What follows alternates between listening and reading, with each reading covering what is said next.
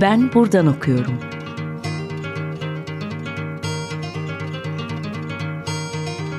Edebiyat ve başka şeyler.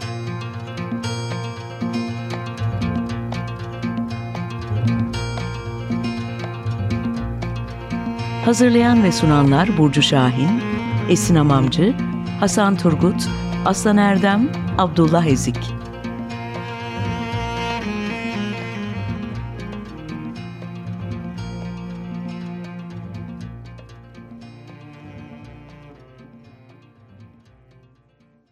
Herkese merhaba. 95.0 Açık Radyo'dasınız. Ben Abdullah Evcik.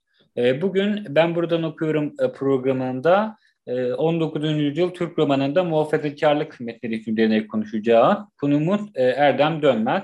Erdem Bey öncelikle teklifimizi kabul ettiğiniz çok teşekkürler. Rica ederim. Ben teşekkür ediyorum Abdullah Bey davetiniz için. Teşekkür ederiz. Ee, Erdem Bey 2019'da kitapla aynı ismi taşıyan doktora tezini tamamlayarak Sakarya Üniversitesi'nde e, doktor ünvanını aldı. E, kendinde Halyada'da çalışmalarını etti. Bilecik Şeyh Edebiyali Üniversitesi Türk Dili ve Edebiyatı bölümünde devam ediyor. E, Erdem Bey bu kitabında aslında Türk romanının doğuşuna bakıyor ve bu meseleye hem batılılaşma, modernleşme hareketleri çerçevesinde hem de buna paralel bir şekilde tartışmaya açtığı muhafazakarlık kavramı çerçevesinde yaklaşıyor ki bu da aslında e, Türkiye'de de aslında Avrupa'da da çok konuşulan ama üzerine yapılan çalışmalar özellikle e, Türk Edebiyatı'nda e, daha kısıtlı e, olan alanlardan birisi. Ben bu noktada aslında ilk olarak bir kavram olarak çünkü şimdi bu ilk olarak bu kavramın haritasını bir de çıkarıyorsunuz. Bir kavram olarak muhafazakarlığın nasıl doğup geliştiğini ve Türk Edebiyatı'na nasıl geçtiğini, nasıl bir anlam e, ifade ettiğini sorarak giriş yapmak istiyorum. Abdullah Bey teşekkür ediyorum. Ee, bahsettiğiniz gibi muhafazakarlık kavramı e, oldukça geniş bir kavram. E, yani biz bu kavramın e, bugün kullanımına baktığımızda daha çok tutuculuğun karşılığı olarak görüyoruz. Gündelik hayatta e, bir kişiyi muhafazakar şeklinde tanımladığımızda aslında onun işte daha tutucu, daha gelenekçi, reaksiyoner bir e, kişiliğe sahip olduğunu anlıyoruz ancak muhafazakarlık aslında böyle bir kavram değil. şimdi ve çok çok yönlü bir kavram. Yani e, içerisine ideoloji de giriyor, politika da giriyor, felsefe de giriyor, e, sosyolojiyle ilişkilendirebiliyoruz. E, yani aslında e, bu çerçevede e, her bir yapısı da yani bunu ideolojik olarak baktığımızda ya da düşünce üslubu olarak baktığımızda her birinin kendi içerisinde alt başlıkları ortaya çıkabiliyor. Ben bunu Türk modernleşmesi bağlamında eğer tartışıyorsak kavramı, öncelikli olarak bunun bir düşünce üslubu olduğunu vurgulamak istiyorum. Yani e, bir ideolojik tepki olarak e, Türk modernleşmesinde muhafazakarlığın ortaya çıkışının 1940 sonrasında olduğunu aşağı yukarı söyleyebiliriz. E, bunun dışında Türk modernleşmesinin başlangıcından itibaren muhafazakar bir üslupla e, sürdürüldüğünü, e, modernleşmeye böyle bir endişeyle e, yaklaşıldığını söylemek mümkün. E, kavramın batıda ortaya çıkışı e, aslında Fransız ihtilalinden sonra. E, Fransız ihtilali özellikle e, Fransız ihtilali yani ihtilal düşüncesine, devrim düşüncesine karşı ortaya koyulmuş bir kavram olduğunu söyleyebiliriz. İlk olarak e, Edmund Burke'nin e, bu anlamda kavramın sınırlarını çizdiğini görüyoruz. Daha sonrasında siyasette batıda bir takım karşılıklar bulsa da bunun aslında batı dışı toplumlara yansıması daha çok nasıl diyelim e, bir düşünce üslubu şeklinde oluyor. Yani bir e, ideoloji olarak çıktığını e, öngöremeyiz. E, şöyle ki Türk modernleşmesi 18. yüzyıldan itibaren e, Türk modernleşmesi e, yani Batı ile karşılaşan e, Osmanlı e, bir değişim sürecine e, giriyor. E, bu değişim sürecinde de açıkçası e, bir uyum arayışında. Yani büsbütün kökten bir değişim arzusu söz konusu değil. Ee, bu e, köklü değişimden ziyade mevcut geleneğin üzerine eklemlenerek, aslında geleni ekleyerek diyebiliriz bunu. Ee, eklemlenerek bir e, değişim e, süreci arzulanıyor. dolayısıyla başında başlangıcından itibaren bizim mevcut geleneksel şartlar üzerinden yenilikleri ilerletmeye çalıştığımızı görüyoruz. Bu çerçevede işte Namık Kemal'de, Ziya Paşa'da hatta Şinasi'de e, bu anlamda gelenekle bağlantı kurabileceğimiz e, noktalar e, mevcut. Özellikle Yeni Osmanlı hareketinin zaten böyle bir düşünce üzerinde e, ortaya çıktığını söyleyebiliriz. E, yani şöyle ki mesela örneklemek gerekirse çok e, uzunca bir mesele burası ama e, şöyle örnekleyebiliriz. Mesela Yeni Osmanlılar e, işte bir yani meşveret idaresi istiyorlar. Aslında meşrutiyeti arzuluyorlar. Ancak bu meşrutiyet arzuları e, on, arzularında meseleyi e, İslam kaynağına e, indirgeyerek sağlıyorlar. Yani meşveret usulü zaten İslam'da vardır. Dolayısıyla İslam'ın özünde olan şeyi canlandırmamız gerekir şeklinde. Yani bunu batılı bir demokrati, demokrasi hareketi olarak e, algılamak yerine ya da uygulamak yerine zaten bizde mevcut olanı hayata geçirmek şeklinde e, düşünüyorlar. İşte e, meseleyi romana döndürmek e, gerekirse e, açıkçası Türk romanı da e, aşağı yukarı e, bu endişelerin e, vuku bulduğu döneme tekabül ediyor. Yani e, baktığımızda e, aslında bir uyum sağlama hareketi olan e, bir adaptasyon hareketi olan e, muhafazakar üslup e, Türk modernleşmesinin karakteristiğini belirlerken e, Türk romanının da e, doğuşunda e, aynı endişenin e, yönlendirici olduğunu söyleyebiliyoruz. İlk olarak e, bunları e, genel çerçevede söyleyebilirim. Peki bu noktada biraz e, hem e, Tantimat ve Tantimat kişilere hem de bu dönemde kaleme alınan romanlara gelelim aslında. Çünkü Burada baktığımız isimler oldukça majör isimler var aralarında ve daha sonrasındaki e, ele alınan isimlerde bu konuyu farklı şekillerde, farklı yönleriyle devam ettiren isimler. İşte modernleşmeden bahsediyoruz, batılılaşmadan bahsediyoruz, muhafazakarlıktan bahsediyoruz. Ancak tüm bu isimler arasında belirli ortaklıklar olmakla beraber büyük aykırılıklar da, büyük farklılıklar da söz konusu. Hmm. Namık Kemal'de var, Halit Niya'da var, e, daha öncesindeki işte Fikret'te var. Ya yani birçok isim aslında bu konulara yaklaşıyor ancak her biri kendi üslubuna dair, kendi anlayışına dair bir şeyler ekliyor. Kavramı farklı, meseleyi farklı şekillerde yorumluyor. Bu noktada peki siz hangi isimlere baktınız ve bu isimler size nasıl bir perspektif sundu? Ee, şimdi şöyle, e, açıkçası Başlangıçta e, özellikle meseleye tarihsel ve sosyolojik e, meseleler üzerinden e, yaklaşmaya çalıştım. Yani e, şöyle bir durum da var gerçi. Bizim e, modernleştiricilerimiz diyelim aslında biz bunlara. E, diyelim ki Namık Kemal. E, baktığımızda kendisi e, aslında bir e, siyasetçidir. E, bir tarafıyla gazete, aslında bir gazetecidir. Aynı zamanda bir şairdir. Aynı zamanda da bir romancıdır. Ee, işte Ziya Paşa'ya bakıyoruz, gazetecidir, e, bir paşadır kendisi ve aynı zamanda şairdir. Ee, keza Şinasi böyle. Ee, ya da işte modernleşmemizin ileri safhalarına da bakarsak, e, işte Akif de böyle yorumlanabilir, Gökalp de böyle yorumlanabilir. Ee, yani baktığımızda e, bizde gazetecilik, e, politika ve e, edebiyatçılık aslında e, bir arada yürüyor. Dolayısıyla bizim e, meselelerimizi e, yani edebiyatla ilgili meselelerimizi e, siyasetten, e, gazete basın tarihinden e, ya da işte sosyolojik sosyoloji tarihinden e, bağımsız düşünülemeyeceğini e, görüyoruz. Edebi metinlerin de bu anlamda e, kaynağa dönüştüğünü görüyoruz.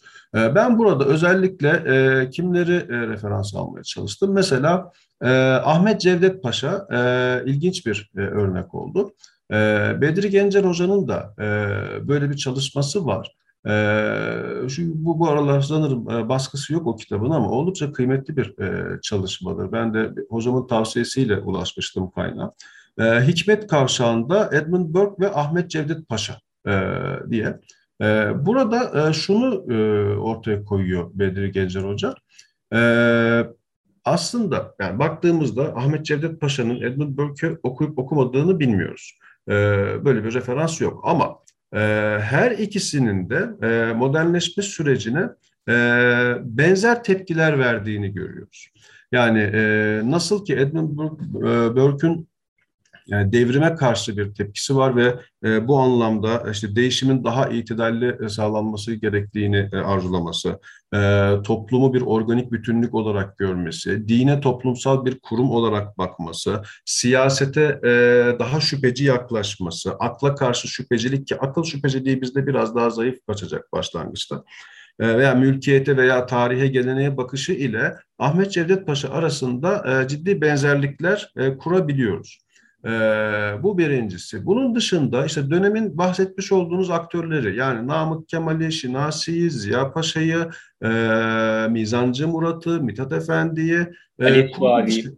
Ali Suavi keza e, teşekkür ederim. E, kurgu dışı kaynakları üzerinden öncelikli olarak okumaya çalıştım. Yani Namık Kemal'in e, makaleleri, işte bu Hürriyet gazetesindeki yazılar, e, keza Ziya Paşa'nın oradaki yazıları. Yani burada şunu görmeye çalışıyoruz aslında. Yani e, modernleşme demek, modernite demek aslında yeni bir insan üretmek demek. Yani insanın değişmesi demek. E, dolayısıyla bizim e, insanımızın değişimine acaba dönemde nasıl bakılıyor? Öncelikli olarak bunu aramaya çalıştım. Çünkü roman da aslında insanın değişimini anlatan yani bireyi merkeze alan bir tür olduğu için e, bu değişen insan romanı nasıl yansımış, ne kadar yansımış bunu görmek açısından öncelikli olarak e, bu dönemde 19. yüzyılda insan nasıl algılanmış?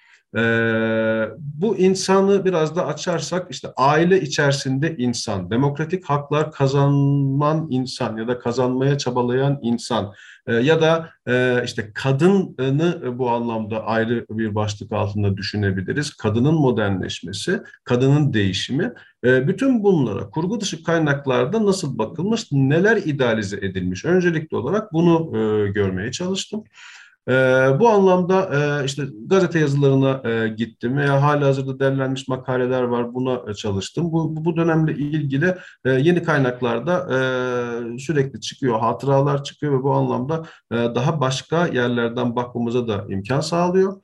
Ee, ve özellikle burada odaklandığım şey yani değişen insan nedir? Ee, insan değişince e, ne olur? Ee, bu değişime aydınlar nasıl bakarlar? Öncelikli olarak e, bunu yakalamaya çalıştım. Ve bu çerçevede aslında biz bu dönemde 19. yüzyılda keza meşrutiyette de buna benzer bir durum görüyoruz. E, aşağı yukarı dört e, farklı modernleşme üslubunun üsulünün benimsendiğini görüyoruz. İşte en kaba tasnifle işte batıcı bir e, yaklaşım vardı ki batıcılık aslında hepsinin bir ortak paydasıdır. E, Osmanlıcı bir yaklaşım vardır. Yani İttihadi Osmani, Osmanlı'yı tekrar e, bir araya toplama e, düşüncesi vardır. Ee, bir tarafta İslamcılık bu dönemde ortaya çıkar ama bu buradaki İslamcılık e, ile biz 60 sonrasındaki siyasal İslamcılığı biraz ayırıyoruz birbirinden. Daha farklı bir yönelim ve Türkçülük faaliyetlerini e, görüyoruz. Yüzyılın sonunda Türkçülük faaliyetleri karşımıza çıkıyor. E, şimdi Abdullah Bey bu dört farklı yönelimi, dört farklı fikir hareketini aslında en temelde birbiriyle muhafazakarlık bağlamında ilişkilendirebiliyoruz. Yani bu dört fikir hareketini e, benimseyen ki bunların içerisinde mesela e, Ahmet Hat Efendi'yi biz bir yerde Türkçe olarak da görüyoruz. Ya da Namık Kemal mesela Osmanlıcı fikirlerinin yanında İttihadi Osmanlı makalesiyle beraber aslında İslam İslamcı bir aydın olarak da görüyoruz bir taraftan. İttihadi İslam makalesiyle beraber. Ve aslında hepsinin batıcı, medeniyetçi tarafı olduğunu görüyoruz. Dolayısıyla bunların hepsinin arkasında bir ortak pay, payda aramamız gerekirse e, ben bunun da e, muhafazakar düşünce e, olduğunu söylemek istiyorum. Çok teşekkürler Erdem Bey. İnternet burada küçük bir şarkı arası vererek programda devam edelim. Bugün Açık Radyo dinleyicileri için ne çalmak internetine? Ben bu, bu, bu meseleyle ilgili olarak e, biraz e, konumuzu da bütünlemesi için Barış Manço'dan e, bir şarkı e, isteyeceğim sizlerden, e, rica edeceğim. Eski Bir Fincan e, adlı şarkı aslında bu konuştuğumuz meseleleri de e, bir yerde e, yeniden gündeme getirmiş olacak. E, böylelikle e, bütünlüğü de sağlarız diye düşünüyorum. Teşekkür tabii, ederim. Tabii hep beraber dinleyelim. Herkese yeniden merhaba. Açık Radyo'da ben buradan okuyorum programına Erdem Dönmedi ile birlikte devam ediyoruz ve 19. yüzyıl Türk romanında muhafazakarlık meselesini tartışmayı sürdürüyorum. Ee, şimdi e, kitabın önemli konularından bir aslında düppe ve proto düppeler meselesi. E, az önce de konuştuğumuz gibi hem romanın dönüşümü konusunda hem bireyin evrimi konusunda hem de e, gerek modernlik ve modernizm hem de muhafazakarlık meselesinde züppe tipler bir de birçok şey anlatan konu başlıklarından birisi. E, siz de bu konuya ayrı bir bölüm ayırdınız zaten kitapta. Bu noktada 19. E, yüzyıl Türk romanının doğduğu noktada e, bu züppe tipler bir de neler anlatır ve e, gerek batılılaşma, modernleşme, gerek de muhafazakarlık kavramları çerçevesinde bir de nasıl bir perspektif sunar bunu anlatalım derseniz. Ee, Abdullah Bey şimdi e, az önce söylediğimiz gibi bu e, modernleşme dediğimiz hadise aslında insanın değişimi meselesidir. Yeni bir insan tipinin ortaya çıkışına tekabül eder. Yani e, modern insan dediğimiz aslında bireydir. Bireyden kastımız ne? Çok kabaca tarif edersek e, kendi kararlarını alabilen, herhangi bir norma bağlı kalmaksızın kendi kararlarını alan, e, kendi kararlarının peşinden giden ve bunun sonuçlarına katlanan insan tipi demek mümkün. Çok genel hatlarıyla. Ve biraz daha açarsak bunu e, toplumun e, en küçük yapı birimi olarak kabul edilen insan demektir. Yani burada işte biz organik toplumla mekanik toplum gibi bir ayrım yapabiliriz. Yani organik toplum yapısında toplumun en küçük birimi birey, e, aileyken e, mekanik modern toplum yapısında yani daha mekanik düzende e, bunun bireyle karşılık bulduğunu görüyoruz. Bu neye getiriyor bize? E, bu aileye bakışı e, getiriyor. Yani e, aileyi toplumda nereye konumlandırıyoruz buna bakmamız gerekiyor. Ya da e, bir birey ortaya çıktığında, yeni bir insan tipi ortaya çıktığında romancıların buna tepkisinin ne olduğunu ölçmemiz gerekiyor. Şöyle ki şimdi romanın aslında modern bir tür olarak romanın da ihtiyaç duymuş olduğu insan tipi ve bu modern bireydir. Başlangıcından itibaren bu böyle. İşte bu pikaresk romanlarda da bunun ilk izlerini görürüz. E, sonrasında işte Don Quixote'da mesela bunun e, karşılığını rahatlıkla görebiliriz veya diğer realist roman örneklerinde artık insan merkezi, birey merkezi bir anlatım vardır. Şimdi bizim romanımıza yansımasında e, açıkçası e, buna e, şüpheyle yaklaşılıyor. Çünkü e, yani modern insan tipinin henüz toplumda karşılık bulamadığını görüyoruz. E, dolayısıyla burada e, bireyle ilgili endişelerin biz e, züppe tipi üzerinde e, şekillendiğini görüyoruz. Yani bu kadar çok züppe tipinin ortaya çıkması e, biraz da bu anlamda e, bireye karşı duyulan endişeyi bize gösteriyor.